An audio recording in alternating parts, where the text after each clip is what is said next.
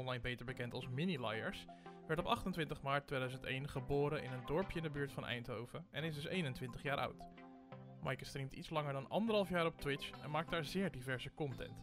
Het ene moment moet ze op de vlucht voor een killer in Dead by Daylight, maar de andere keer is ze op haar gemakje een huishouden aan het runnen in The Sims. Ook storygames zoals God of War en Red Dead Redemption zijn wel aan Maaike besteed. Ze doet er vooral alles aan om te zorgen dat haar stream een inclusieve en wholesome plek is voor iedereen. Maar wat schuilt er achter de stream en wat heeft Maaike in haar leven allemaal meegemaakt? Hopelijk komen we daar de komende 60 minuten allemaal achter. Dit is open, eerlijk en persoonlijk. Dit is het spreekuur met Mini Liars.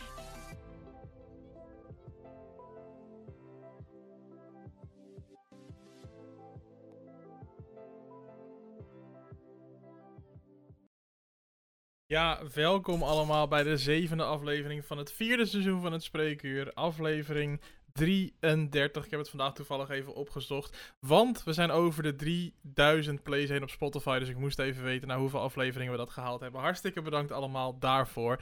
En welkom bij deze aflevering met mijn gast Mini Liars. Goedenavond. Hi. Ja, ik ga je toch sowieso denk ik de rest van de avond Maaike noemen trouwens. Want Mini Liars is prima. veel te veel lettergrepen voor mij. Ehm, eh, maar in ieder geval wel van harte welkom. Ehm, heel kort even voor iedereen die dit misschien voor het eerst luistert. Ehm, mijn naam is Steven. Dit is het Spreekuur, de 1 op 1 podcast van Nederland. Waarin je zoveel mogelijk over een persoon te weten komt binnen 60 minuten. En eh, ja, vandaag is het eh, eh, Twitch-streamer Maaike, a.k.a. Mini Liars. Vind je dit nou leuk? Eh, kom vooral vaker langs. Check andere afleveringen op Spotify. Ehm, als je dit aan het luisteren bent, dan zie je ze waarschijnlijk allemaal al staan. Zoek je favoriete persoon eruit en eh, luister die ook zeker even terug. Maar niet voordat je deze aflevering natuurlijk helemaal afgeluisterd hebt. We gaan de klok starten en eh, dan gaan we lekker eh, 60 minuten in gesprek met elkaar.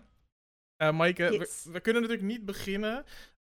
We kunnen nergens anders mee beginnen dan eerst even te vragen naar jouw naam. Want eh, voordat iedereen denkt, ja, allemaal leuk en aardig, maar ik ga nu 60 minuten luisteren naar iemand die liars in haar naam heeft staan. Hoeveel moet ik hiervan geloven? Hoe betrouwbaar is dit? Moet ik het uitzetten? Eh, eh, vertel, wa- waarom?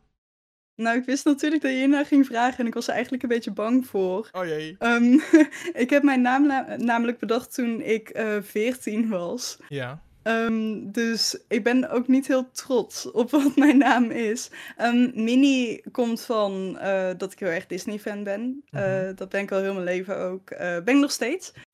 En Liars komt van dat ik op mijn veertiende heel erg fan was van Pretty Little Liars. Ehm, dus vandaar dat dat in de naam zit. Ik heb er een tijdje aan gedacht om het te veranderen. een tijd geleden. Mhm. Eh, maar ik ben nu eigenlijk toch best wel gehecht aan ja, die stomme naam. Ja, snap ik wel. Ja, het wordt, het wordt steeds meer het onderdeel van, je, van jezelf natuurlijk, zo'n naam die Ja. je verzint. Was, was Twitch het eerste platform waarop je deze naam ging gebruiken? Of, of ging je het ook al er- eerder ergens anders gebruiken? Eh, ik denk op de PlayStation. Ik Ah. denk dat het be- daar begon omdat mijn naam daarvoor eh, had ik bedacht op de basisschool. Mhm. En die was nog erger. Kom maar door. Ehm, ehm, op de basisschool was, eh, was er een bijnaam die mijn vrienden mij hadden gegeven. Mhm. Eh, en dat was Mai Mai. Dus dat was Mai Mai en dan VDW voor mijn, voor mijn achternaam. Ja, dus ik wilde dat toch daar wilde je vanaf. weghalen. Ja. Ik ben eh, geen Mai Mai meer, nu is het Mini. Nee, precies, precies. Mini. Nou ja, goed. Mini, Mike, eh, Mini Liars, het kan allemaal. Eh, misschien over een tijdje dus wel een andere naam. Of, of, heb je, of, of heb je nu wel zoiets van, nou, het, het blijft toch wel even. Ja, het blijft wel even, denk ik. Het is heel lastig, omdat je natuurlijk ook op al je andere socials moet je het veranderen. En het moet overal vrij zijn. En ja, dus eh, nu heb ik Mini Liars en dat is overal van mij. Mhm. Dus misschien ook het wel gewoon omarm en Ja, het hierbij laat. precies, precies. Nou ja, goed. Eh, hebben we dat in ieder geval even uit de weg. Want eh, ja, voordat mensen denken van, waar gaan we nou eigenlijk naar luisteren? Ehm, duidelijk verhaal. hey, ehm Maaike. ehm, 21 en nog wat, 21 en een half jaar geleden geboren in een dorpje. of tenminste, ja, echt in het dorpje ook? Of dan wel in een ziekenhuis ergens verderop? Uh, nee, in een ziekenhuis uh, in de buurt van dat dorp. Ja. Uh, maar ja, ik zit tien minuten op de fiets en dan ben ik bij dat ziekenhuis. Dus. Ja, precies. Oké, oké, goed. Um, overigens even voor iedereen, we hebben gewoon afgesproken, we gaan verder niet het dorpje bij naam noemen. maar we, ik ben wel altijd nieuwsgierig. Opgroeien in een dorpje is, is toch heel, een heel ander verhaal vaak dan in een grote stad. Um, wat kan je me vertellen over uh, ja, de, de, wat je nog weet natuurlijk van jouw jeugd in, en opgroeien in een dorpje? Um, nou, het is een heel erg uh, ons kent ons dorp. Dus het is heel erg. Iedereen kent mijn ouders ook door. ze zitten bij de carnavalsvereniging hier. Ah. Um, mijn mama is carnavalsprinses geweest en ons pap die zit in het, in het bestuur. Um, ze maken ook altijd foto's. Dus wat ik herinner van mijn jeugd hier mm -hmm. is werken bij de Albert Heijn en van een random persoon horen: doe de goed aan jullie papa en mam. En dan denken bij mezelf: wie is dit? um, maar ook gewoon uh, uh, het feit dat al je vrienden dan gewoon aan de deur staan en dat je kiest van: oké, okay, bij welke speeltuin gaan we vandaag buiten spelen? Dus, ja, ja. ja, precies. Onbezorgd vooral. En, en uh, je noemt net al je ouders. Uh, in wat voor uh, gezinssamenstelling, wat voor soort huis, waren er huisdieren? Kan je daar iets over vertellen? Wat, hoe, hoe, wat ik heb nooit huisdieren gehad, helaas. Okay. mijn ouders zeggen altijd, we hebben al twee apen, doelend op mij en mijn zusje. maar ja, ik heb dus ons papa en ons mam, die zijn heel gelukkig nog bij elkaar. Um, en met mijn jongere zusje van, zij is drie jaar jonger dan ik ben, dus zij is nu 18. Oké, okay, drie jaar jonger. Dus ja. je bent drie jaar uh, alleen geweest en uh, toen uh, kwam je zusje er nog bij. nou ja, het is niet alsof ik me veel herinner van die drie jaar. Nee, dat um, is ook wel zo. maar ons man die heeft meerdere miskramen gehad voor ze mijn zusje heeft ge gekregen. Oh jeetje. Um, ja, dus dat is altijd wel heel heftig geweest voor haar. Um, maar nu zien ze het eigenlijk alleen maar als een gelukkig iets, omdat we nu daardoor mijn zusje hebben. Ja, dus. ja, precies. Uh, dit, dit is, zoiets is vaker verteld in een aflevering van het spreker bij andere mm -hmm. mensen ook die dat hebben meegemaakt. En ik vind het toch altijd dan ook wel echt heel dapper dat, dat mensen dan nog wel aandurven, zeg maar. Want ja, je weet natuurlijk nooit, uh, ja, misschien waar het precies aan ligt of wat dan ook. Maar ja, precies. Ja, wel, wel, uh, wel dapper dan en, en gelukkig heel fijn dat, dat je ja. zusje dat goed gaat. Um, je zegt, ik kan me niet zo heel veel meer herinneren van die tijd. Dus de echte jonge, jonge jaren gaan we het dan ook niet over hebben. Maar laten we een klein sprongetje maken naar de momenten die je nog wel kan herinneren. Dus misschien richting eh, basisschool. Uh, heb, je, heb, je daar, heb je daar enige herinneringen aan? Hoe was je op de basisschool? Hoe vond je het op de basisschool? Uh, ik vond het heel vervelend op de basisschool. um, ik werd altijd heel veel gepest. Um, oh. Dus daar heb ik ook veel vervelende herinneringen aan. Ja. Um, maar zo vrolijk als wat ik nu eigenlijk altijd ben, dat was ik toen ook. Dus uh, heel veel momenten van verdriet, zeker. Mm -hmm. um, maar ook heel veel gezelligheid met leuke vriendinnen en vrienden die ik op dat moment had. En uh, ja, toch altijd een beetje uh, het goede uit de vervelende momenten halen. Ja, Ik, ik, moest er om lachen omdat ik dacht dat je gewoon ging zeggen dat je school stom vond. Maar dat was even nee, nee. Niet serieuzere noot. Uh, maar wat, wat, wat, uh, wat heb je dan zoal meegemaakt? Want veel verhalen gehoord ook natuurlijk over, over mensen die gepest zijn. En dat heeft verschillende soorten, zeg maar. Verschillende niveaus. Wat, wat, wat heb je zo meegemaakt dan op de basisschool? Um, ik denk dat dat eigenlijk al heel vroeg begon. Dus ik kan me ook niet herinneren dat ik op school heb gezeten zonder dat ik gepest werd. Um, dus het was altijd uh, uh, op een manier dat het was allemaal uh, met, met taal, zeg maar. Het is niet alsof ik ooit in elkaar geslagen ben, gelukkig. -hmm. um, maar dat soort verhalen heb ik ook gehoord over klasgenoten van mij, waarbij dat wel gebeurde voor mij was het echt heel erg uh, uitschelden en dat ik raar was en lelijk en weet ik veel wat ze allemaal zeiden.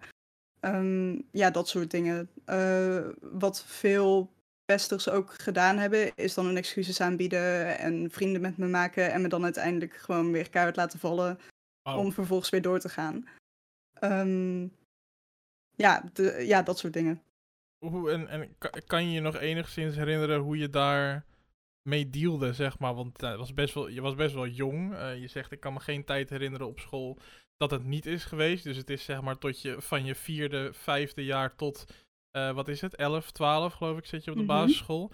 Dat is sowieso een hele lange tijd, maar is ook een leeftijd waarop je nog niet helemaal voorbereid bent om met dit soort situaties om te gaan. Wat, wat heb je gedaan? Nee.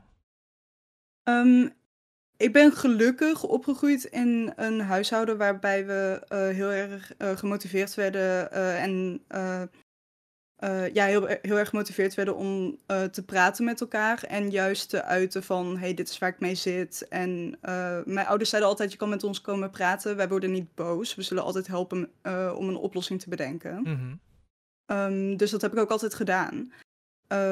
dus dan kwam ik huilend thuis omdat ik gepest was die dag. Uh, dat er iets vervelends was gebeurd. En altijd knuffelen met papa en mam. En uh, zij vroegen altijd aan mij van... wil je dat we er iets van zeggen -hmm. op school? Um, ik kan me herinneren dat er een paar keer is aangegeven aan juffen en meesters van... hé, hey, uh, deze kinderen doen vervelend. Um, maar als dat dan werd besproken met de ouders van... dan was het mijn kind doet dit niet. Oh ja. Um, dus ik heb heel snel geleerd dat het geen nut heeft Mhm. om, uh, om naar de juf of meester te gaan. Ja. Dus ik zei altijd tegen papa en mam van nee, uh, ik ben oké, okay, uh, doe maar niet. Want het gaat toch niet helpen en het maakt het alleen maar erger. Ja, want dan kreeg je waarschijnlijk zo'n situatie van oh, ze heeft het lopen vertellen en dan, ja. Ja, precies. Maar dat werkte Ja. dus niet. Had je voor jezelf verder een methode? Want ja, je zit toch met elkaar in de klas. eh, dus zeven jaar lang of zo. Vaak met redelijk dezelfde kinderen ook. eh. Ja, ik weet eigenlijk niet zo goed hoe ik daarmee omging. Want ik, ik kan me echt herinneren dat het heel vervelend was en dat ik best wel depressief ben geweest ook toen. mhm. Ehm, ik denk dat ik gewoon heel veel steun haalde uit de mensen die ik wel had. Ehm, en de mensen die wel vriendelijk tegen mij deden. Ehm, ja, ik denk dat dat ervoor gezorgd heeft dat ik altijd wel eh, ja, vrolijk bleef en er doorheen knokte, zeg maar. Ik kan me ook herinneren dat, het, eh, dat ik ook wel echt gedacht heb aan andere maatregelen. Mhm. Ehm, maar voor mij was het altijd heel erg van, ik wil er zijn voor mijn zusje en ik wil, you know, ook zien dat, zij, eh, dat ik sterk ben. ook dat zij ziet dat ik sterk ben. En ja, dus Maar- daar heb ik ook veel steun uit gehaald.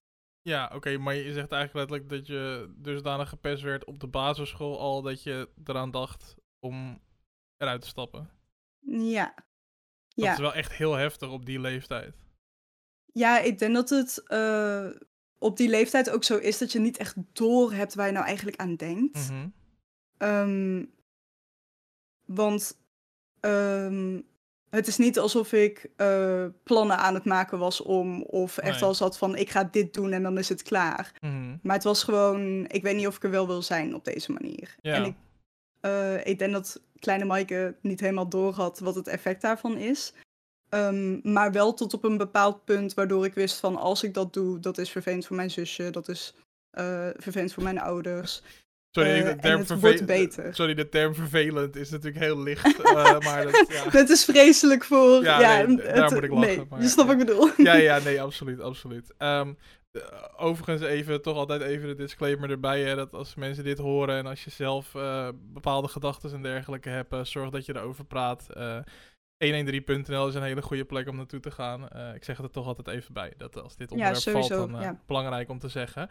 Ehm, ik wilde niet te lang over doorgaan, maar ik heb er nog wel nog één vraag, specifieke vraag over. Eh, heb je, toen je dat dan had, is dat toen der tijd ook ter sprake gekomen? Of, of is dat nooit, eh, heb je daarover gepraat? Of, of heb je het zelf gewoon weggestopt?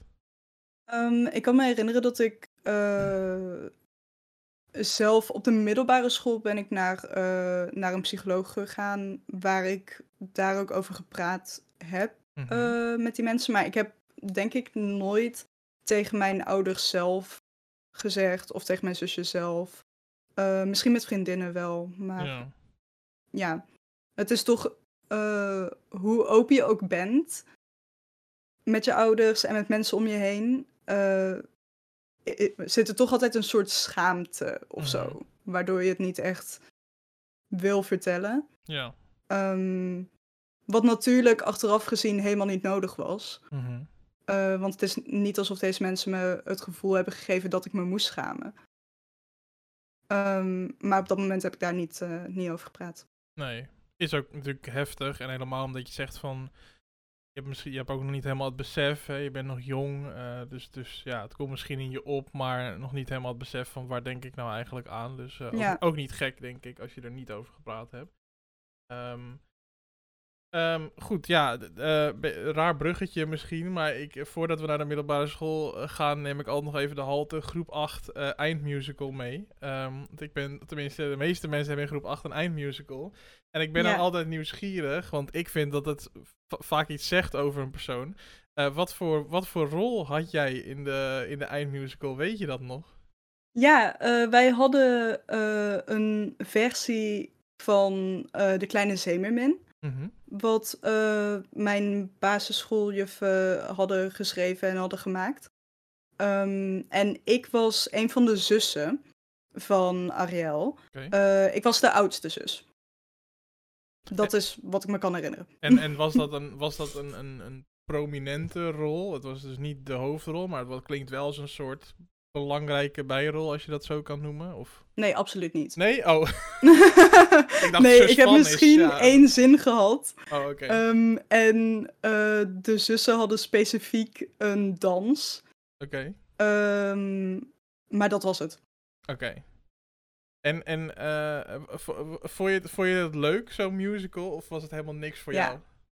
Nee, ik ben zelf heel erg fan van musicals. Dus ik eh, vond dat helemaal geweldig. Deed je daar toen de tijd dan ook al iets mee buitenschool? Of? Nee, nee ik heb helaas eh, eigenlijk nooit iets met eh, musicals gedaan zelf. Oké. En, en verder, deed je eh, in je basisschooltijd, zat je nog op een sport? Of deed je andere bepaalde specifieke hobby's? Ik ben in 2009 volgens mij ben ik begonnen met eh, waterscouting. Waterscouting. Eh, ja, de mensen Sorry, reageren altijd zo. Ja. Nee, dat is oké. Ehm, ja, mensen wanneer ze scouting horen, dan het eerste waar zij aan denken is eh landscouting. Het is niet dat zij specifiek denken landscouting, want ze kennen het verschil niet. Mhm. Ehm, maar mensen kennen landscouting. Ehm wij doen eigenlijk wat landscouts doen, maar dan op het water. Oké. Ehm, wij hebben in plaats van een eh, blokhut, hebben wij een vrachtschip. Mhm. Ehm, en wij zeilen en roeien en kanoën. En ja, dat samen met andere scoutingactiviteiten. Oké, wat grappig. Wa- Was je daar zelf opgekomen of zit het in de familie Nee. of zo? Of? Ehm, mijn opa en oma aan mijn moeders kant, eh, en dan specifiek mijn opa, eh, was de eigenaar van een, eh, of de organisatie van een zeilwedstrijd in de Caribbean. Mhm. Ehm, een regatta, zoals ze dat zo mooi noemen. Ehm, en mijn opa en oma vonden, eh, vonden het heel leuk als eh, mijn nichtjes en ik zouden leren om te zeilen.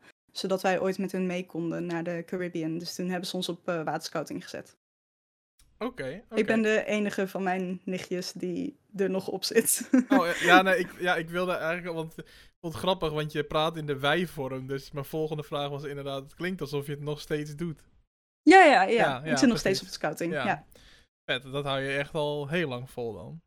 Ja, nou het ding is gewoon dat als ze zo vroeg begint eh, en je zit er zo lang bij, Mhm. dan zijn de mensen die daar met jou zitten, dat zijn echt familieleden van je, zeg maar. Like, het is, eh, ik zie ze elke zaterdag. En we gaan meerdere keren per jaar op kamp met z'n allen. Dus dan zitten we dagen achter elkaar met elkaar opgescheept. Mhm. Eh, dus je bent gewoon familie. Ik zou ook niet weten wat ik zou moeten doen op een zaterdagmiddag als ik niet op scouting zou zitten. ja, het gaat Ja. echt ver. Je bent het, ja, maar je Ja. bent het ook gewend natuurlijk. Het is misschien niet per se dat je niks anders weet, maar je bent het zo gewend, denk ik, dat je, ja, het is gewoon in, standaard geworden. Ja, dus je plant er ook omheen en eh, ja, Ja, zeker. Ja. ja. Oké, wat eh, superleuk. Ja, niet iets wat je, ja, niet iets wat je heel vaak hoort. Ja, zoiets iets anders toch dan een instrument of, een, of voetballen of zo. Gewoon, eh, Ja, precies. Nou, weer wat geleerd. Ehm, ik wist tot vandaag niet dat er ook waterscouting bestond. Dus, eh, Bij deze. ja, er is precies. zelfs luchtscouting. Oké, maar wat doe je dan? Ik heb honestly geen idee. Ze zitten eh, volgens mij alleen in het noorden van het land. Oké. Ehm, en volgens mij doen ze eigenlijk ook gewoon wat landscouting doet. Ja. Ehm, en dan zo nu en dan gaan ze vliegen of zo. Ik weet het niet. Ja, want je gaat niet elke keer vliegen, lijkt me. Zeg maar, elke keer varen is nog... Nee, water op is nog logisch, maar je gaat niet elke keer vliegen, lijkt me. Maar, Ja, ik zou echt niet weten hoe dat werkt. Nou goed, als iemand het weet, eh, laat het me even weten. Of Ja. laat het Mike even weten. Eh, we, we, we weten het niet. Ehm, goed, dan, dan einde middelbare school, eh, of sorry, einde basisschool. Dan ga je naar de middelbare school op een gegeven moment. Ja, dan een advies en een CITO-toets en weet ik het allemaal. Hoe, eh, hoe verliep dat, eh, dat gedeelte bij jou? Wat, weet je nog wat voor advies je kreeg en wat je bent gaan doen uiteindelijk? Ja, ehm, mijn CITO-score kwam uit op tussen eh, kader en MAVO in. Mhm. Ehm, of VMBO-T noemen ze het eigenlijk, maar Ja. niet uit. Ehm, en toen heeft mijn meester op dat moment, die heeft het advies gegeven dat ik T aankon. Maar de middelbare school waar ik naartoe ging, had besloten dat ik naar kader moest. Dus ik ben, ik ben begonnen op kader. Oké, en eh, dus voor de mensen die de niveaus niet kennen, eh, kader is lager, even tussen aanhalingstekens dan, toch? Of is het hoger? Ja, Ja, meer praktisch. ja precies. Dus, eh, dus je hebt de basiskader, je hebt kader en dan T, HAVO, VWO. oh ja, dat, Dat, is dat de- zijn een beetje ja. de levels, zeg maar. Oké. Ja. Je zegt het nu, eh, als je erop terugkijkt, al een beetje met een ondertoon zo van, daar was ik het niet helemaal mee eens. Nee, ik was het op, het, op dat moment was ik het er ook niet mee eens. Ehm, maar achteraf gezien is het al helemaal frustrerend. Eh, ik heb namelijk daarna, eh, of ik heb twee jaar kader gedaan, Mhm. toen twee jaar T en daarna twee jaar HAVO. Ja. En nu zit ik op HBO. Dus ik zit er echt een beetje van. Oh ja. Ja, precies. Had anders Had me gewoon op T gezet. Ja. Maar had je ook dan dat als je, de, de- toen, toen ging je dus op een gegeven moment naar kader, had je dan ook daar het gevoel van, ja, ben ik niet op mijn plek? Of, of Ja. je- Want- ja, was- absoluut. Want eh, met wat voor reden was het? Ehm, nou, het eerste jaar viel eigenlijk nog wel mee. Eh, ik, heb, ik had toen een hele leuke vriendin gemaakt. Daar ben ik nu ook nog steeds bevriend mee. Ehm, en daar kon ik het heel goed mee vinden. Mhm. Maar voor mij was kader echt met twee vingers in mijn neus. Ehm, en ik had een hele vervelende klas. eh, vooral in het tweede jaar. Mhm. Ehm, waardoor het met mij toen mentaal ook niet goed ging. Je denkt, ik ben van de basisschool af een nieuwe start. Ja, Helaas. helaas. Maar ja, inderdaad, dus dat, daar hoopte je natuurlijk heel erg op. Dus daar was je waarschijnlijk ook echt op voorbereid van, oké, nieuwe mensen. Maar wat, eh, wat, wat ging er op de middelbare school eh, fout dan, om het maar even zo te noemen? Ehm, nou, het beste ging door. Mhm. Ehm, door andere mensen. Eh, ik kwam namelijk niet in de klas met mensen van de basisschool. Of jawel, één. Maar niet met de mensen die mij pesten. Ja, Ehm, maar andere mensen die pakten het gewoon op. En die gingen daarmee door. Ehm, dus dat was wel heel vervelend. En onze, eh, in de tweede klas eh, was het sowieso niet zo'n hele fijne, eh, veilige situatie. Ik had een aantal klasgenoten die leraren uitschelden voor kanker dit, kanker dat. Zo. Eh, ja, vreselijk.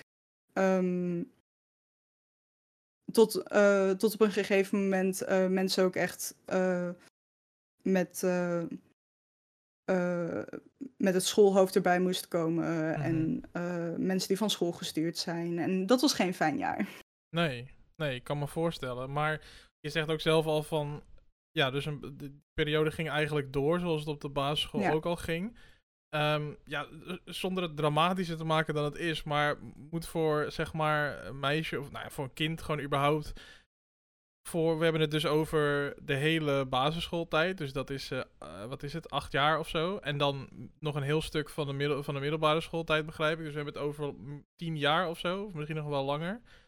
Ehm, dat is een super lange tijd om op deze manier te, naar school te moeten gaan, toch? Dat, Ja. dat is toch. Wat, wat, wat heeft dat met. Wat deed het met jou als persoon, zeg maar? Ehm, het deed mijn zelfbeeld niet goed. Ik ben heel lang daardoor heel onzeker geweest. Mhm. Ehm, eh, heel lang heel ongelukkig. Ehm, maar ik, ben, ja, ik heb altijd gewoon heel veel geluk gehad met de mensen om mij heen verder. Want ik had echt, ik heb eh, ook vanaf ja, ik had dus een hele goede vriendin op, eh, op kader. Maar vanaf T had ik een hele vriendinnengroep. Mhm. Die hetzelfde meemaakten. Of die ook buitenbeentjes waren. Ehm, waar ik het heel leuk mee heb gehad. En die, eh, die ervoor zorgde dat ik me veel gelukkiger en veel beter voelde. Ja. Dus ja, eh, kijk, tuurlijk, eh, ik probeer het niet weg te wuiven verder. Want het is wel heel vervelend wat er allemaal gebeurd is. Mhm. Maar ik denk dat ik ook niet anders kende. En, was het moeilijk, want je zegt ik had geluk met mensen om me heen. Dus je had wel gewoon, eh, je vertelde net al een vriendin die je nu nog steeds spreekt. En je spreekt in meervoud, dus meer eh, vrienden, vriendinnen. Was het niet heel lastig, omdat je net vertelde van, ja, sommige mensen gingen weer even aardig tegen me doen, om daarna weer, weer onaardig tegen me te doen. Was het niet ook heel erg moeilijk dan, om, om mensen dan nog te vertrouwen en vrienden te maken? Of? Dat lijkt mij Eh, ik heb het nooit moeilijk gevonden om vrienden te maken. En ik denk dat dat ook eh, op de basisschool misschien een beetje mijn valkuil was, omdat ik mensen bleef vergeven. Oh ja. Ehm, maar eh, het is grappig dat je dat zo zegt, want ik denk er nu pas aan dat mijn beste vriendin op dit moment, die heb ik leren kennen in kader 2, volgens mij. Mhm. Maar zij zat op T, dus ik ben pas bevriend met haar geworden op VMBO-T. Ehm, en zij mocht mij niet eerst, Oh echt? voordat wij bevriend werden. Ehm, ik denk dat ik altijd wel eh, de angst heb gehad. Nee, Ik heb best wel wat verlatingsangst gehad heel lang. Mhm. Eh, en ik denk dat dat ook wel daar vandaan komt. Eh, maar toch vind ik het nooit moeilijk om vriendschappen te starten. Zijn, Ja, zijn gek genoeg vaak wel de beste vriendschappen als je elkaar in het begin niet mag, hè? Of, of tenminste Ja. als een van de twee eh, in dit geval eh, de andere dan niet mag. Ja, Ehm, maar het is dus nu ook eh, eh, nu al acht jaar bevriend met haar. Dus het is. Wat grappig. Wat grappig. En ehm, ehm, je zegt nu net eh, even tussendoor, zeg je van ja, ik vergeef mensen gewoon heel snel. En dat was, of tenminste, toen de tijd in ieder geval was dat een van je valkuilen. Je kan niet boos blijven op iemand, begrijp ik? Het is sowieso heel moeilijk om mij heel boos te krijgen. Als je mij eh, eenmaal zover hebt, dan heb je het wel echt verpest. Mhm. Ehm, maar ik denk inderdaad, eh, goede vrienden van mij die blijven ook steeds zeggen van Maaike, je, je doet te soft, je doet te lief. Ehm, wat diegene nu doet, dat kan echt niet. ja. Ehm, en ik, ik ben daarin nog, in, eh, nog aan het leren, zeker. Wat is de laatste keer dat je je kan herinneren dat je, dat je echt heel boos was? Oeh. Ehm, ik denk twee, drie weken terug. Eh, ik was heel boos op een collegaatje van mij. Wat was er gebeurd? Eh, oh ja, die was gewoon heel bij de hand aan het doen. Had een hele grote mond. eh, en begon uiteindelijk op een hele, hele onprofessionele manier tegen mij te praten. Ehm, en toen was ik wel echt even klaar. Toen was ik wel echt heel boos. Toen heb ik ook tegen een supervisor gezegd van... Die zei, ja, hoe ging het vanavond? Eh, hoe voel je je? Ik zeg, ja, ik, ik ben echt boos. En hij zegt zo, jij bent boos. en ik zeg, ja. Die dag, er is Maar- iets heel ergs gebeurd. ja, nou ja, ja. eh, misschien had ik ook op dat moment mijn dag niet hoor. ja. Eh, maar het is, ja, ik vind het ook stom om collega's te badmouthen op deze manier. want verder zal het vast gewoon een goede gast zijn. Maar ja, Ja. op dat moment was ik niet blij. Nee, precies. Nee, oké, nee, duidelijk, eh, duidelijk verhaal. Wat, voor- wat voor werk doe je eigenlijk? Eh, ik werk bij een bioscoop. Oh, dat Ja. is eh gratis naar de film. Ja, Dat zegt iedereen En sowieso ik mag iemand gratis meenemen. Ja, iedereen Ja. zegt dat. En ik mag iemand gratis meenemen. Dus als ze nog een film wil zien, let Kijk, me know. kijk, kijk, kijk, kijk, kijk. Dit biedt mogelijkheden. Je woont wel knijten ver weg, maar goed. Dat, dat, mijn reiskosten zouden meer zijn dan een kaartje voor de film hier in de buurt. Maar eh, goed. Goed punt, goed Vooruit, punt. vooruit. Nee, maar eh, oké, su- ja, superleuk. Ehm, goed, eh, even terug. Ehm, middelbare schooltijd. Ik ben ook altijd nieuwsgierig, want we hebben het nu ook over werk. Ehm, ik kwam er op een gegeven moment, was dat ook een periode waarin je misschien al, had je iets van misschien een klein bijbaantje of iets? Of wat deed je überhaupt buiten school? Als je niet naar school ging, laten we, laten we het zo zeggen. Eh, ik ben altijd bezig geweest met gamen. Mhm. Eh, veel gamen, eh, veel films en series eh, ben ik heel erg fan van. Ik kom echt uit een familie die eh, heel erg houdt van films. Mhm. Ehm, Eh, ik tekende vroeger heel veel. Eh, maar natuurlijk ook scouting, dan waar ik veel mee bezig was. En Ja. ja, ja met vrienden dingen doen. Ja. En f- films, en, films en series, kan je nog, eh, kan je nog een klein beetje herinneren? Had je, had je favorieten in, in die tijd, zeg maar? Of heb je iets wat je echt nog kan Ja, herinneren? je behalve? Pretty Little Liars dan natuurlijk. Oké, ja, die, die heb niet. Ja. Nee, ik had. eh, ik, denk, ik denk ook dat als ze nu aan mij zou vragen: wat is je favoriete serie? Ik denk dat ik altijd Once Upon a Time blijf zeggen.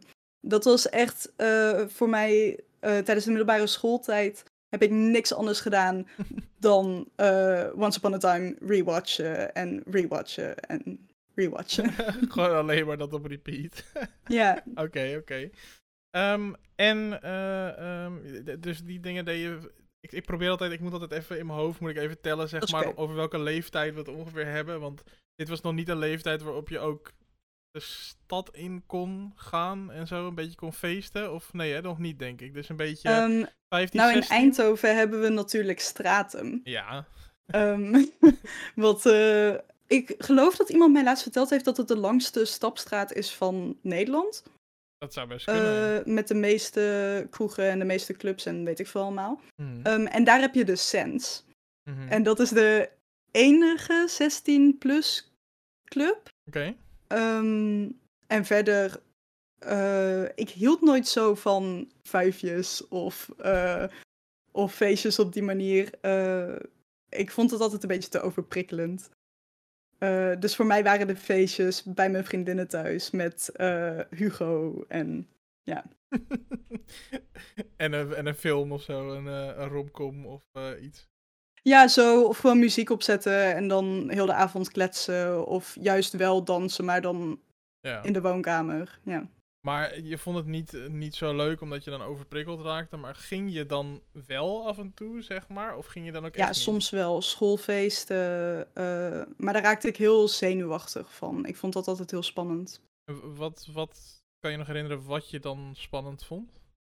Ja, ik denk die vervelende mensen die er waren. Ja, Maar ik denk ook eh, dus het harde geluid en eh, eh, al het licht en zo. Ik wist op dat moment niet dat ik ADHD heb. mhm.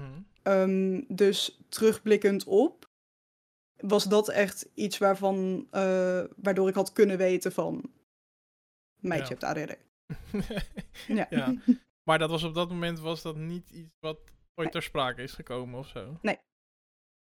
Want je had zelf niet het gevoel dat er iets ja, mis was, klinkt ook weer zo, zo bedoel ik het niet. Maar je had niet het gevoel dat het misschien ergens door kon komen of zo. Je dacht gewoon, ik vind dit niet leuk. Of...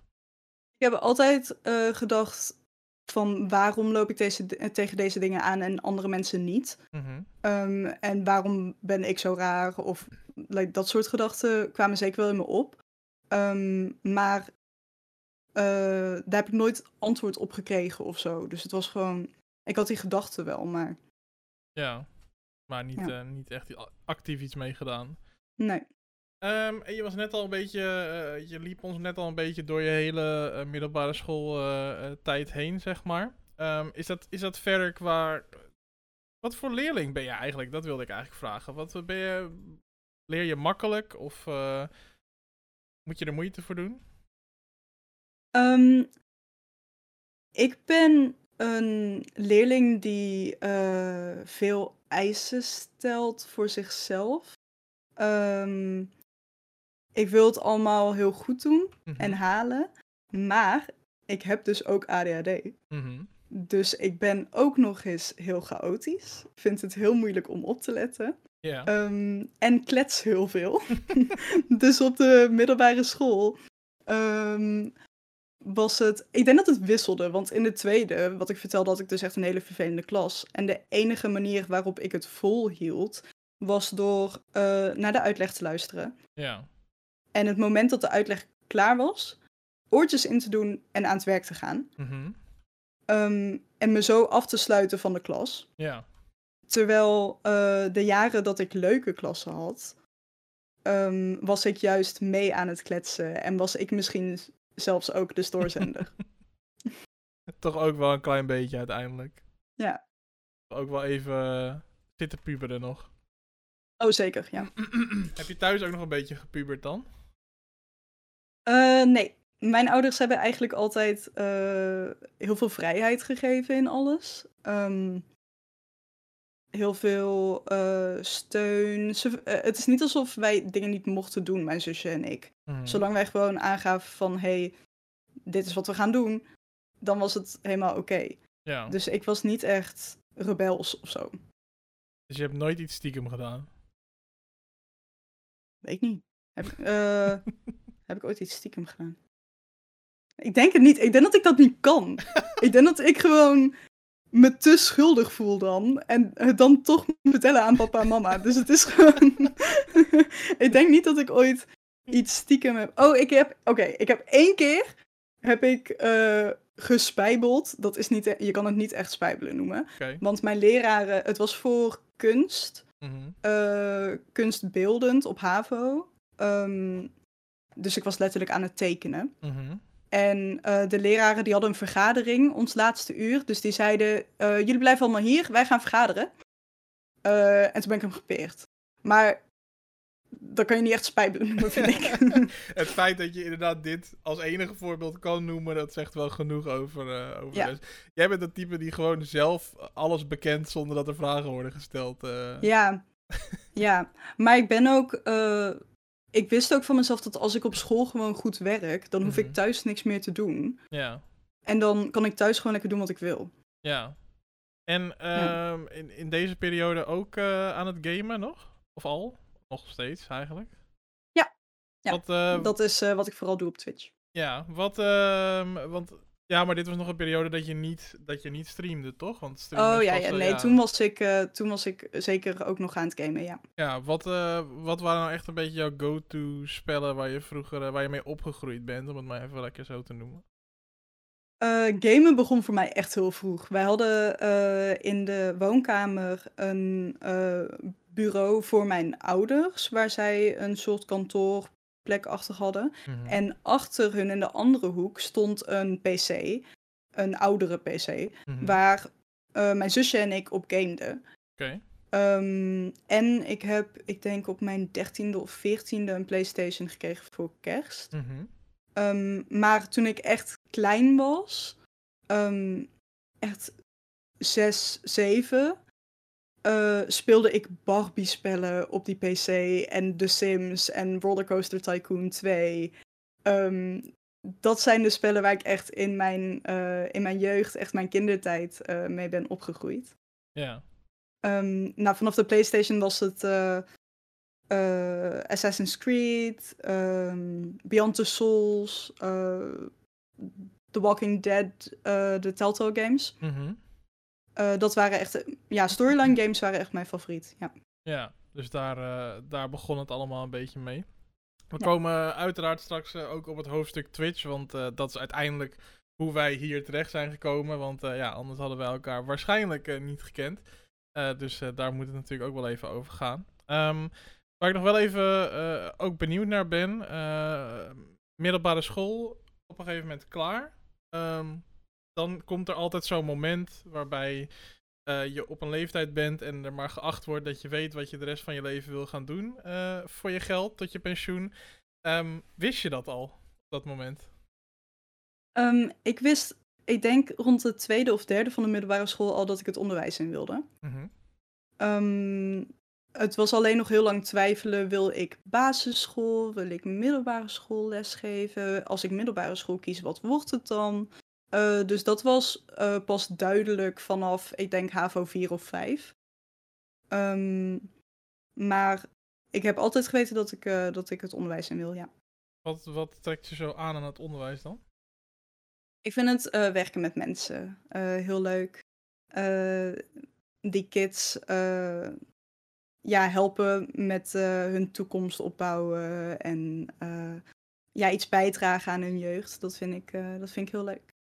Maar specifiek dus inderdaad kinderen. Want ik kan natuurlijk heel lullig doen en zeggen, je werken met mensen doe je op heel veel, in heel veel Nee, beroepen. ja, wel specifiek kinderen. Maar ik moet ook zeggen dat je bent ook natuurlijk heel veel bezig met eh, collega's eh, in het onderwijs. Mhm. met, eh, eh, met andere leraren. Eh, daar heb je ook heel veel contact mee. Dus dat, ja, dat contact heb je ook. Ja.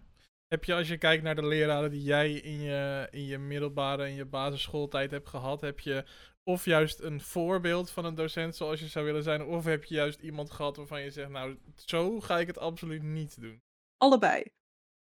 Kan je er iets Allebei. over vertellen, zonder namen te noemen? Of mag wel Ehm, natuurlijk als je wil. Ja, nou namen noemen is nu een beetje lastig, want ik loop daar nu stage.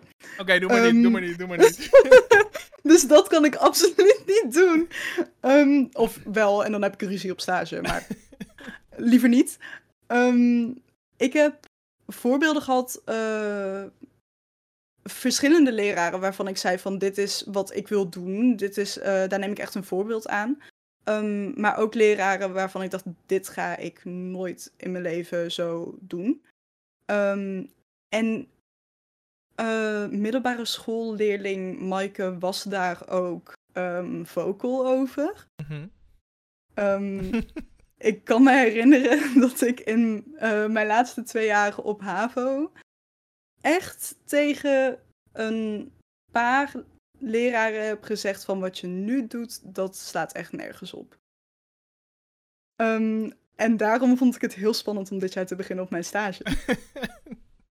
Ehm, want het is natuurlijk, you know, ik was heel brutaal ja. toen. Ik ben echt heel brutaal geweest tegen die mensen. Maar die mensen, waar en je nu zit ik brutaal, echt een beetje van, die mensen waar je brutaal tegen bent geweest, die werken daar nu nog.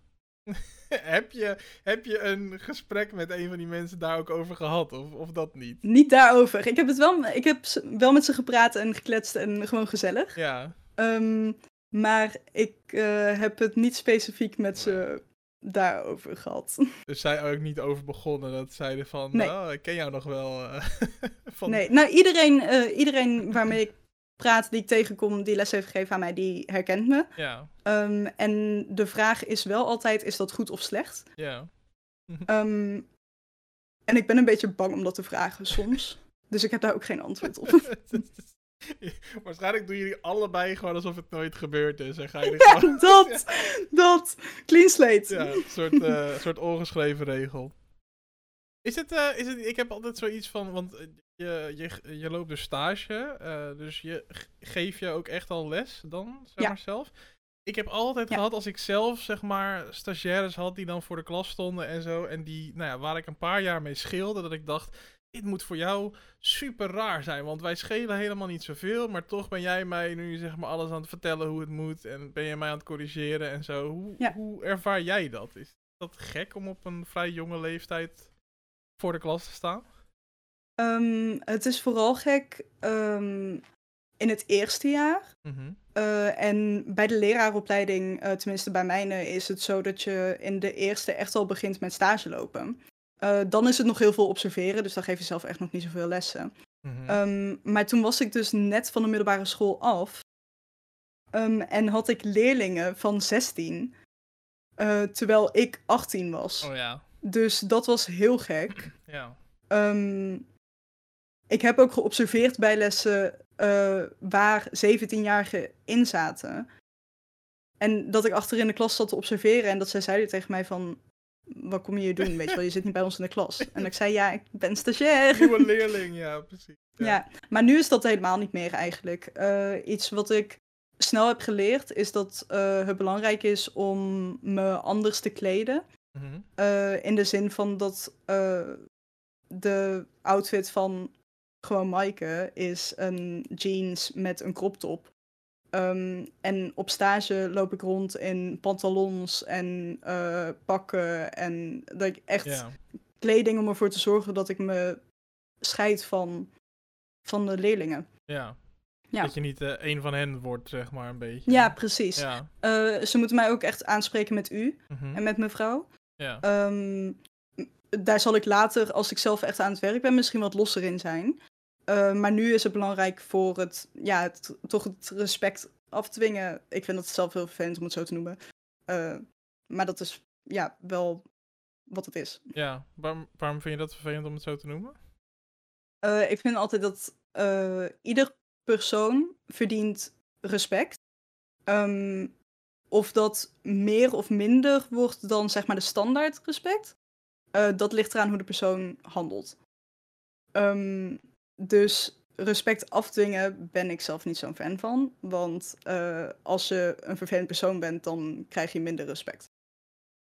Dus, dus, dus ja. het moet eigenlijk vanzelf gaan. Dat, dat, bedoel ja. eigenlijk. Dus, dus jij probeert je op een bepaalde manier te profileren, zodat je eigenlijk vanzelf het respect krijgt. Toch? Dat, ja. Dat is eigenlijk. Uh, Oké. Okay. um, ja, logische, logische opvatting, denk ik. Is niet zo, is niet zo heel raar. hey, um, dit is altijd het gedeelte waar je het soms een beetje hak op de tak werk wordt. Dus mijn excuses daarvoor. Uh, maar daarbij gebruik ik ook altijd even mijn speakbriefje met dingetjes uh, die we van tevoren hebben besproken. Want er zijn altijd een aantal dingen. Kijk, ik ken jou natuurlijk niet. Uh, dus ik vraag ook altijd van, goh, zijn er dingen waarvan jij zegt van, ja, hey, luister, kan echt niet als we een uur praten over mijn leven, dat we het daar niet over hebben. En um, ja, wat me, uh, wat me heel erg opviel natuurlijk is uh, eigenlijk het eerste, wat je, het eerste antwoord wat je opschreef was uh, dat je een hele mooie reis hebt gemaakt. Um, oh ja. Wat wil je, wat, wat wil en kan je daarover vertellen? Um, nou, ik zit dus natuurlijk op de scouting, hebben we het over gehad. en de Wereld Scouting Organisatie, die organiseert elke vier jaar de World Scout Jamboree. of de WJ, zoals wij het zo mooi zeggen.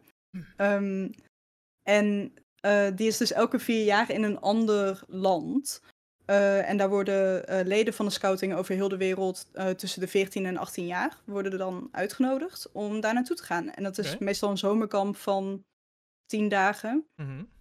um, en in 2015 ben ik daar naartoe geweest. toen was ik 14. en mijn editie was in Japan. Uh, dus toen heb ik drie weken in Japan uh, gespendeerd. Het was tien dagen uh, rondreizen, tien dagen het zomerkamp. En waarom, waarom was het zo bijzonder? nou, als 14-jarige, dat was de eerste keer dat ik sowieso zonder mijn ouders wegging. Um, met allemaal mensen die ik van tevoren ook niet kende. Ik was de enige mhm. in mijn scoutinggroep die daar naartoe ging. Ja.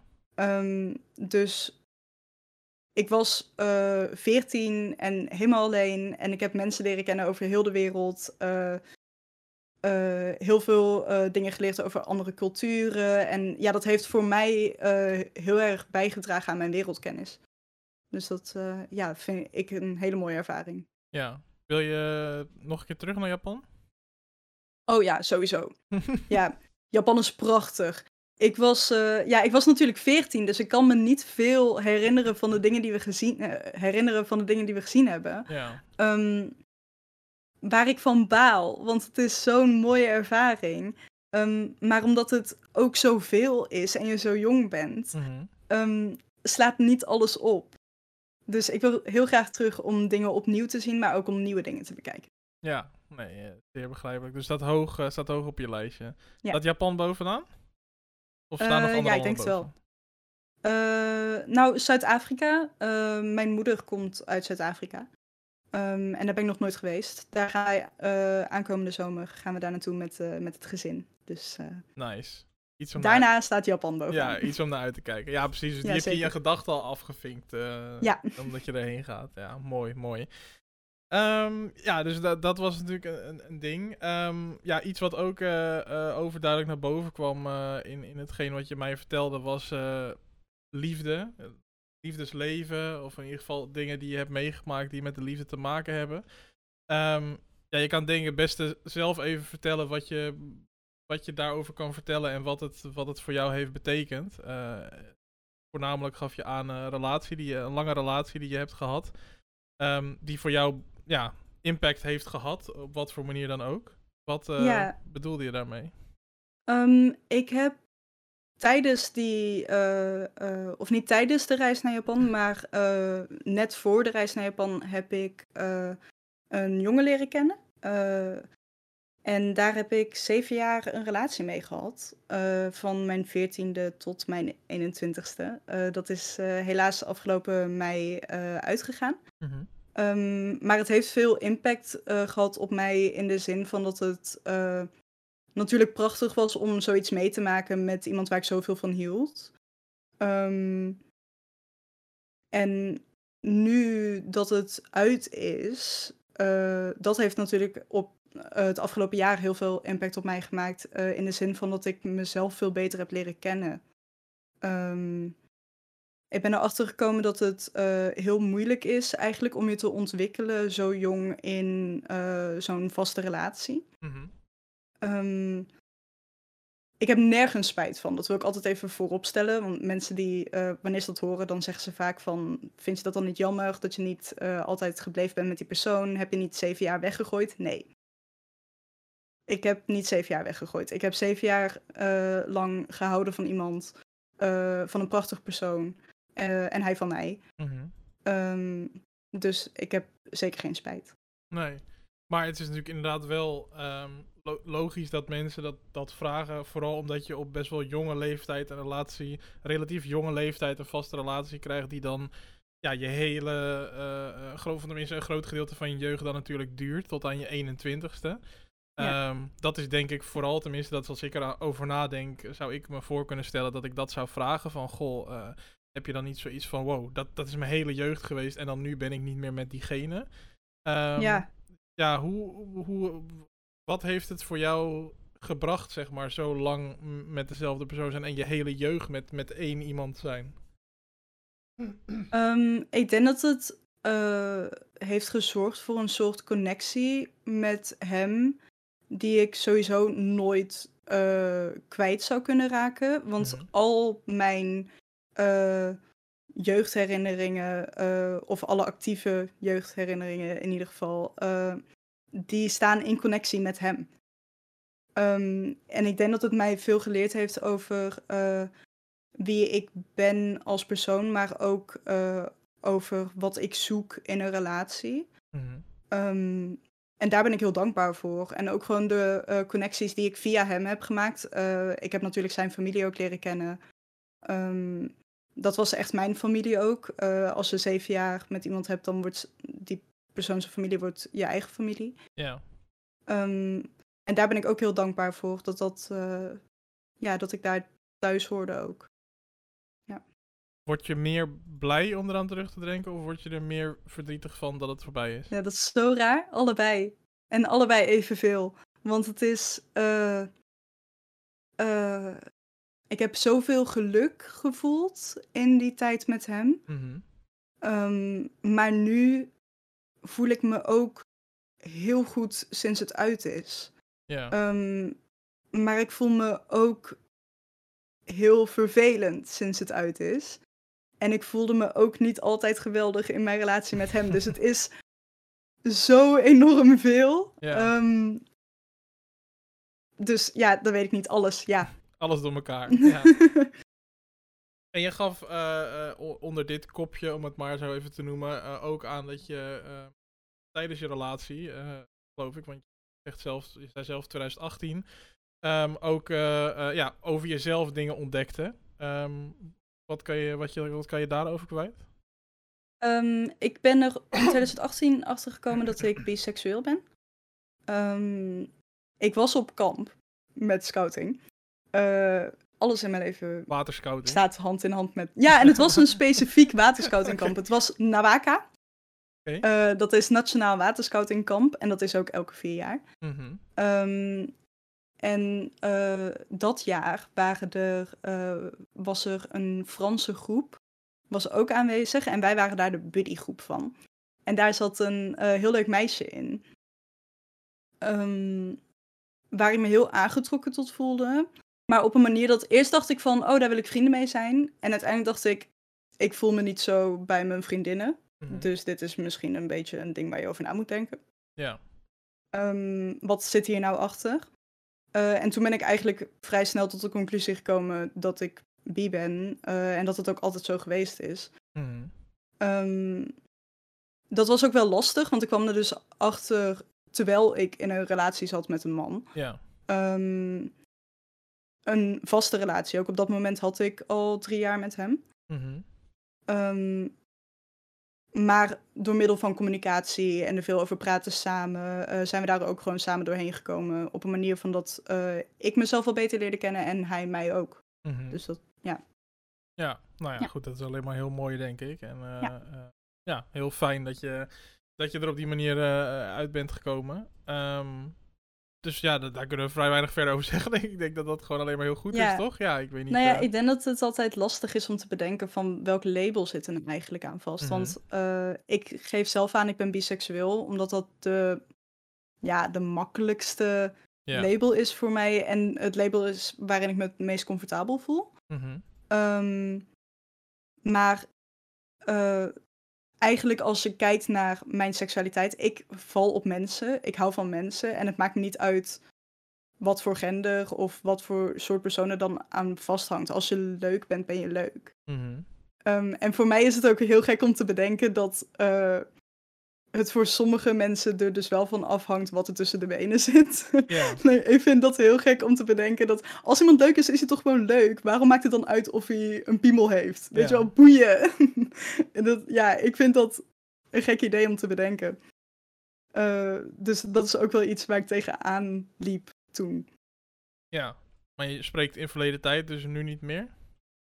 Uh, nee, ik heb me eigenlijk overal bij neergelegd. Eigenlijk labels zijn er om het makkelijk te maken voor, uh, voor jezelf. Om te bedenken van uh, hoe identificeer ik me. Maar op het mhm. moment dat je comfortabel genoeg bent uh, met wie jij bent, dan maken labels niks meer uit. Nee. Nou, dat dan sta je er zelf ook niet meer zo bij stil. Ik ben gewoon Maaike. En dat betekent dat ik val op vrouwen, mannen, non-binaire personen. Ja. Iedereen. Oké, nou duidelijk toch, denk ik. En uh, uh, als je er zelf gelukkig mee bent, dat is het allerbelangrijkste, denk ik. Uh, wat andere mensen ervan vinden, dat, eh, hè, dat moeten zij weten. Hey, um, zoals ik al gezegd, ik had beloofd dat we het nog even over Twitch gingen hebben. ik zie ook nog iets in mijn aantekeningen staan waar ik het ook nog over wil hebben. Dus dit worden vijf chaotische minuten. Um, ah! Maar soms, soms cheat ik een beetje. Het is mijn show. als vijf minuten langer wil praten, dan praten we vijf minuten langer. Um, maar niet tegen andere mensen zeggen. nee, is goed. Je bent, op een gegeven moment, eh, je bent op een gegeven moment gaan streamen op Twitch. En waarom ik het nu hier aan vastplak, dat lijkt heel random. Maar um, um, ja, je hebt net ook het introotje gezien. Uh, ja, ik vond een clipje van jou waarbij je ook zeg maar uh, nou ja, heel uitgesproken was over, uh, over je seksualiteit. En um, hier en daar volgens mij zie ik op socials ook nog wel eens wat voorbij komen. Je, je bent er gewoon heel open in, je bent er heel duidelijk in. En volgens mij wil je dat ook graag zijn, zeg maar. Je wil dat ook graag zo uitspreken. Um, maar je bent op een gegeven moment gaan streamen op Twitch. Um, hoe, laten we beginnen met hoe is dat gekomen, zomaar? Ik verveelde me zo erg tijdens corona, maat. dat was echt niet normaal. Wie niet? Nee, ik was... Uh, uh, ik heb altijd uh, YouTubers gevolgd toen ik heel jong was. Mm voor mij was dagelijks HD en Dus David Games en al die games waren echt geweldig. Ja. Um, en daar volgde ik ook zo nu en dan streams van. En ik wilde daar altijd wel aan beginnen, zeg maar. Um, en uh, gewoon nooit aan toegekomen. Uh, en toen tijdens corona had, op, had, ik opeens zeeën van tijd. En toen mm. zei een vriend van mij uh, van... Ja, vrienden van mij en ik willen gaan streamen. En daar zijn we mee bezig. En toen dacht ik, oh, dat heb ik eigenlijk ook altijd al willen doen. Mm -hmm. laat ik het gewoon aanzetten en dan zie ik wel wat er gebeurt. En nu zitten we hier. Ja, want uh, dit is inderdaad best wel hard gegaan. Was je niet in het begin, uh, was, was het niet heel spannend om te doen? Want je hebt een verleden waarin uh, je best wel negatieve ervaringen hebt met mensen uh, die meningen over jou hadden. En dan ga je nu op het internet, je zet de camera aan, iedereen met een internetverbinding kan zeggen wat hij wil. Was het spannend of niet? Ja. ja. Ik denk dat dat wel uh, spannend was. Uh, ik, ik, heb er wel, uh, ik heb wel snel eraan moeten wennen. Um, en wat ik heel fijn vond, is de vrienden die ik heb. Ik zag toen we begonnen er net dat Siep in de chat zit. Siep was mijn eerste vaste kijker. en is inmiddels een goede vriend van mij. en hij en samen met Robert en heel die groep vrienden, die heeft er heel erg voor gezorgd dat ik uh, mail gesteund voelde. En uh, heel comfortabel om mhm. gewoon te zijn wie ik wilde zijn. En uh, zij zijn ook allemaal moderators van mij. En zij zijn echt allemaal net grote broers. die me beschermen en in de chat heel erg opletten. Um, ik kan me ook nog herinneren dat tegenwoordig zing ik heel veel op stream. Dat deed ik mhm. in het begin niet. Vond ik heel spannend, heel eng. Eh, en de eerste keer dat ik zong op stream, toen was Siep erbij. Mhm. Hij zat ook in voice chat eh, mee, waar we Dead by Daylight aan het streamen. En toen hebben ze mij eigenlijk een beetje gepusht en de chat ook. Ehm, maar dat- ik kreeg toen zoveel steun en zoveel liefde, dus dat, eh, ja. Was dat het Lady Gaga clipje? Nee, Oh, oké. Ja, want ik had, Nee. ik, in, in, zeg maar, toen ik het intro maakte, kwam ik wat clipjes tegen en die was ik toevallig tegengekomen. ik vind het vreselijk om die terug te horen, dus ik vind het heel fijn dat er geen geluid bij zat. nou, er zijn meer mensen waar ik een intro van heb gemaakt die blij mogen zijn dat er geen geluid bij zit hoor. Dus dat, eh, dat, dat, geldt, dat geldt trouwens niet voor dit clipje. Trouwens, het leek nu echt alsof ik dat bevestigde. Maar Ik dat vind ik zeggen, Nee, dat vind ik eh. helemaal niet. Nee, ik bedoelde meer dat ik heb jumpscare clipjes van mensen en zo gebruikt. En die gillen dan echt je oren eraf. Dus eh, nee, ik bedoel dit zeker niet zo. Nee, ik vind het, helemaal- ik vind het hartstikke... Ik, ik vond het gewoon mooi, maar... Je had alleen een camera, of een camera, een eh, microfoon die, eh die een paar Ja, woorden die wegklipte, Yeti, man. zeg maar. Ja. Ja, daar heb je echt niks aan. Ja, dan gaat je nee. Dutch Stream Award, hè, als je zo doet. oh, oh. ehm, nee, maar goed. Nee, nee, nee. Maar, ehm, ehm, nou ja, super, super leuk om te horen. En wa- wat, wat, wat is eigenlijk jouw, jouw drijfveer om nog te streamen? Want, nou ja, hè, corona is er niet meer, dus je zou in theorie ook kunnen stoppen, toch? Mm, ik heb wel eens nagedacht van, ik heb het echt super druk. Wordt dit allemaal nog haalbaar? Ehm, maar ik heb zoveel liefde voor eh, de community en voor, eh, ja, voor de mensen die kijken, voor de mensen om mij heen. eh, dat ik zou het heel jammer vinden als ik zou stoppen. Ik, ik haal er zoveel lol uit en ook motivatie door de community. Mhm.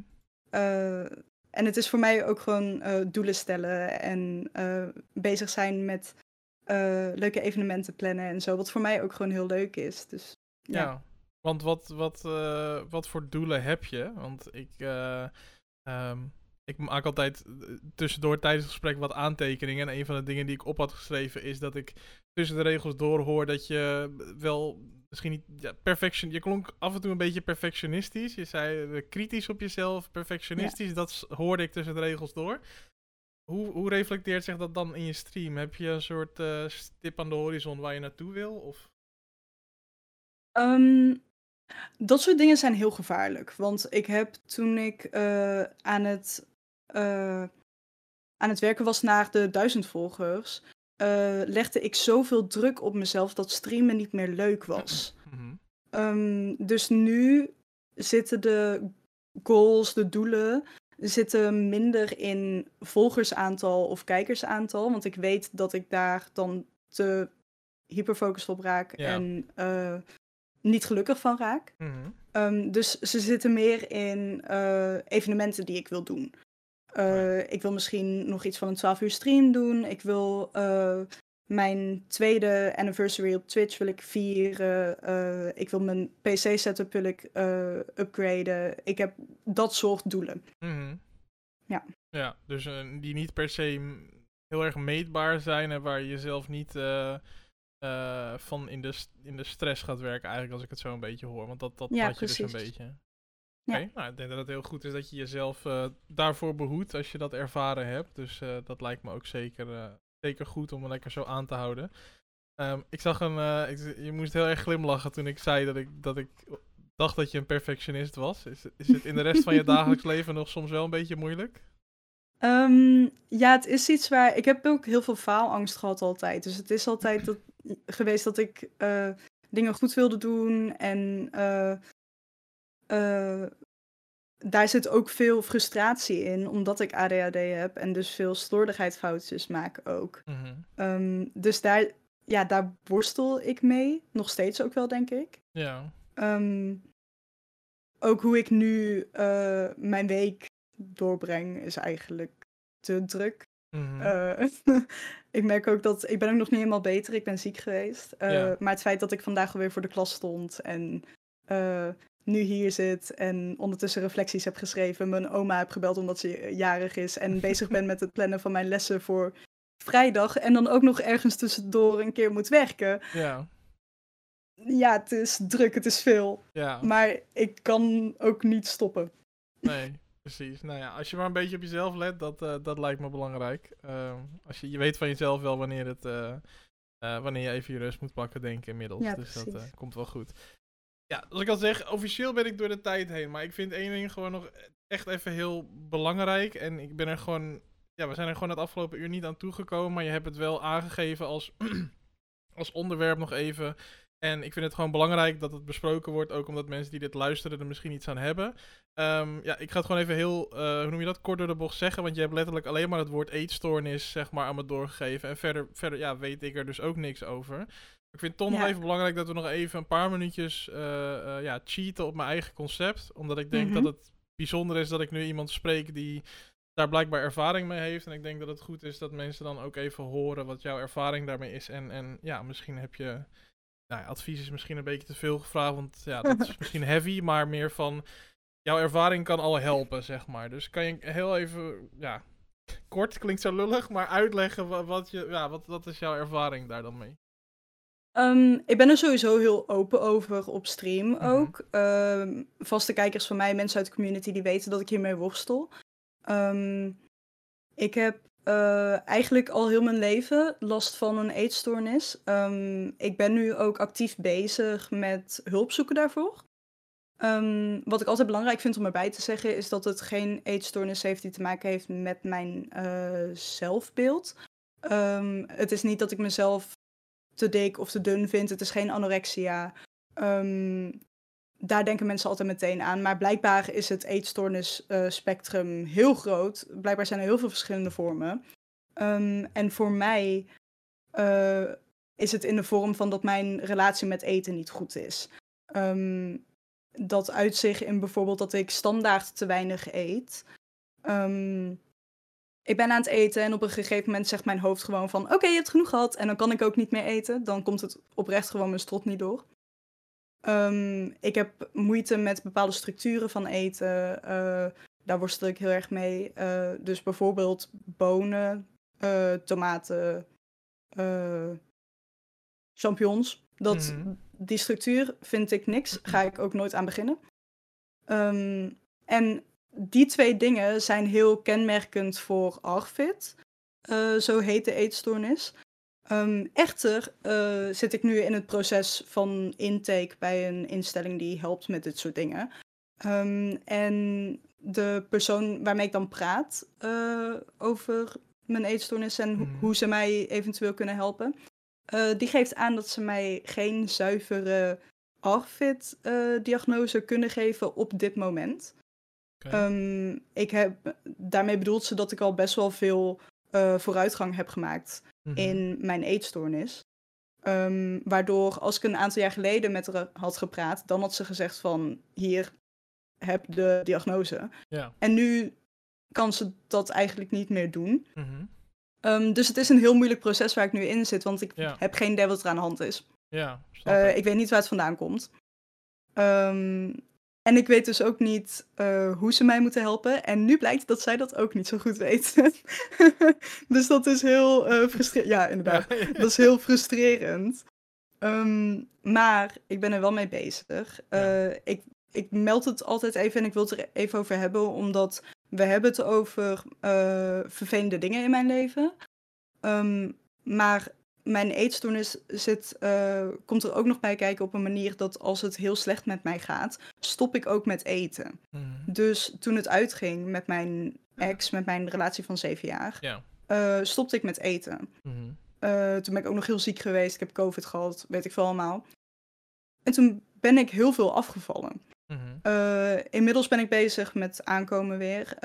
ik ben ook echt in de afgelopen anderhalve maand of zo ben ik 4, 5 kilo aangekomen weer. Dus ik ben echt druk bezig ermee. Uh, maar het is elke dag iets waar ik tegenaan loop. Ja, ja. dus Je, je bent er dagelijks mee bezig. En dat zal uh, helaas voorlopig waarschijnlijk ook nog wel zo zijn. Um, ja. Maar wel goed uh, dat je er en over praat en dat je ermee bezig bent. ik denk dat dat alles is wat je kan doen. En ik denk voor ja. mensen die dit, die dit horen, inderdaad mensen die jou kennen, die zullen het ongetwijfeld al wel eens van je gehoord hebben. Maar mensen die dit misschien nu luisteren, die uh, kennen jou misschien helemaal niet. Uh, of die, die, kennen jou pas kort en die weten dit nu dan ook. En uh, ja, kan, we zijn natuurlijk geen experts, dus laten we geen adviezen gaan uitbrengen. Iedereen moet dat op zijn eigen manier doen. En ja, hulp zoeken als je denkt dat het nodig is. Ik denk dat dat het belangrijkste is. Um, ja. En laten we verder het overlaten aan de mensen die ervoor geleerd hebben. Ehm, Ja, absoluut. Ja, eh, ik heb dus al een beetje gecheat, dus we gaan het hierbij laten. Want eh, we zijn al eh, flink, of nou flink, we zijn een klein beetje over de tijd heen. Is tegenwoordig meer gebruikelijk dan, ik moet er maar het spreek anderhalf uur van maken, denk ik. Want bijna bij iedereen ga ik over de tijd heen. Maar ja, goed, dan, dan na een anderhalf uur kom je ook weer tijd tekort. En zo blijf je doorgaan natuurlijk. Dus ehm, ik wil je... wordt het het spreekuur deel 2. Ja, En dan- precies. Ja.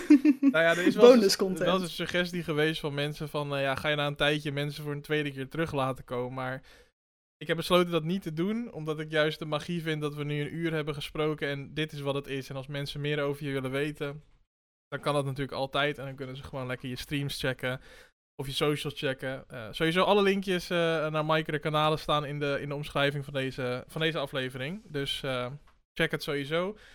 Voor de mensen die er nu live bij zijn en Maaike nog niet kennen, kan je deze link in de chat gewoon aanklikken. Ehm Maaike, heel erg bedankt. Ja, ik, eh, Jij bedankt. ik vond het weer super leuk. En eh, ik zeg het altijd er even bij bij mensen die ik persoonlijk eigenlijk nog helemaal niet kende. Ik vind het altijd extra leuk dat mensen die ik nog nooit gesproken heb, toch het vertrouwen hebben in mij om eh, ja, dit met mij aan te gaan. Het is toch iets persoonlijks. Het is toch ehm, ja, voor sommige mensen een beetje spannend. Ehm, ik heb het aan jou niet gemerkt. Overigens, dus als het zo was, heb je het goed verborgen gehouden. Ehm, maar ja, dankjewel dat je dit wilde doen. Ik vond het heel fijn dat ik erbij mocht zijn. Mooi zo. Dankjewel. Ehm, ik wil iedereen sowieso heel erg bedanken voor het luisteren ehm, van deze aflevering van het Spreekuur op Spotify. Het was de zevende aflevering van het vierde seizoen van het Spreekuur. Ehm, normaal gesproken zou het betekenen dat we dit seizoen nog drie afleveringen hebben, maar helaas hebben we één afzegging voor dit seizoen. Dus dit seizoen worden er maar negen afleveringen gemaakt. En de eerstvolgende aflevering is volgende week, 26 oktober, om 8 uur s'avonds op een woensdag weer. En dan is Joost Bouwhof de gast. Ook wel bekend als Joost speelt spellen. Joost Bouwhof, gewoon Joost. Eh, volgens mij gaat hij onder een hoop namen. Maar ehm, ook een eh, YouTube en Twitch content creator. Ehm, dus eh, ja, check die zeker even als je daar interesse in hebt. Maar in ieder geval super bedankt dat je deze aflevering weer helemaal afgeluisterd hebt. Ehm, en dan zie ik jullie hopelijk de volgende keer weer. Ehm, namens mij en Maaike heel erg bedankt voor het luisteren van deze aflevering van het Spreekuur. En tot de volgende keer.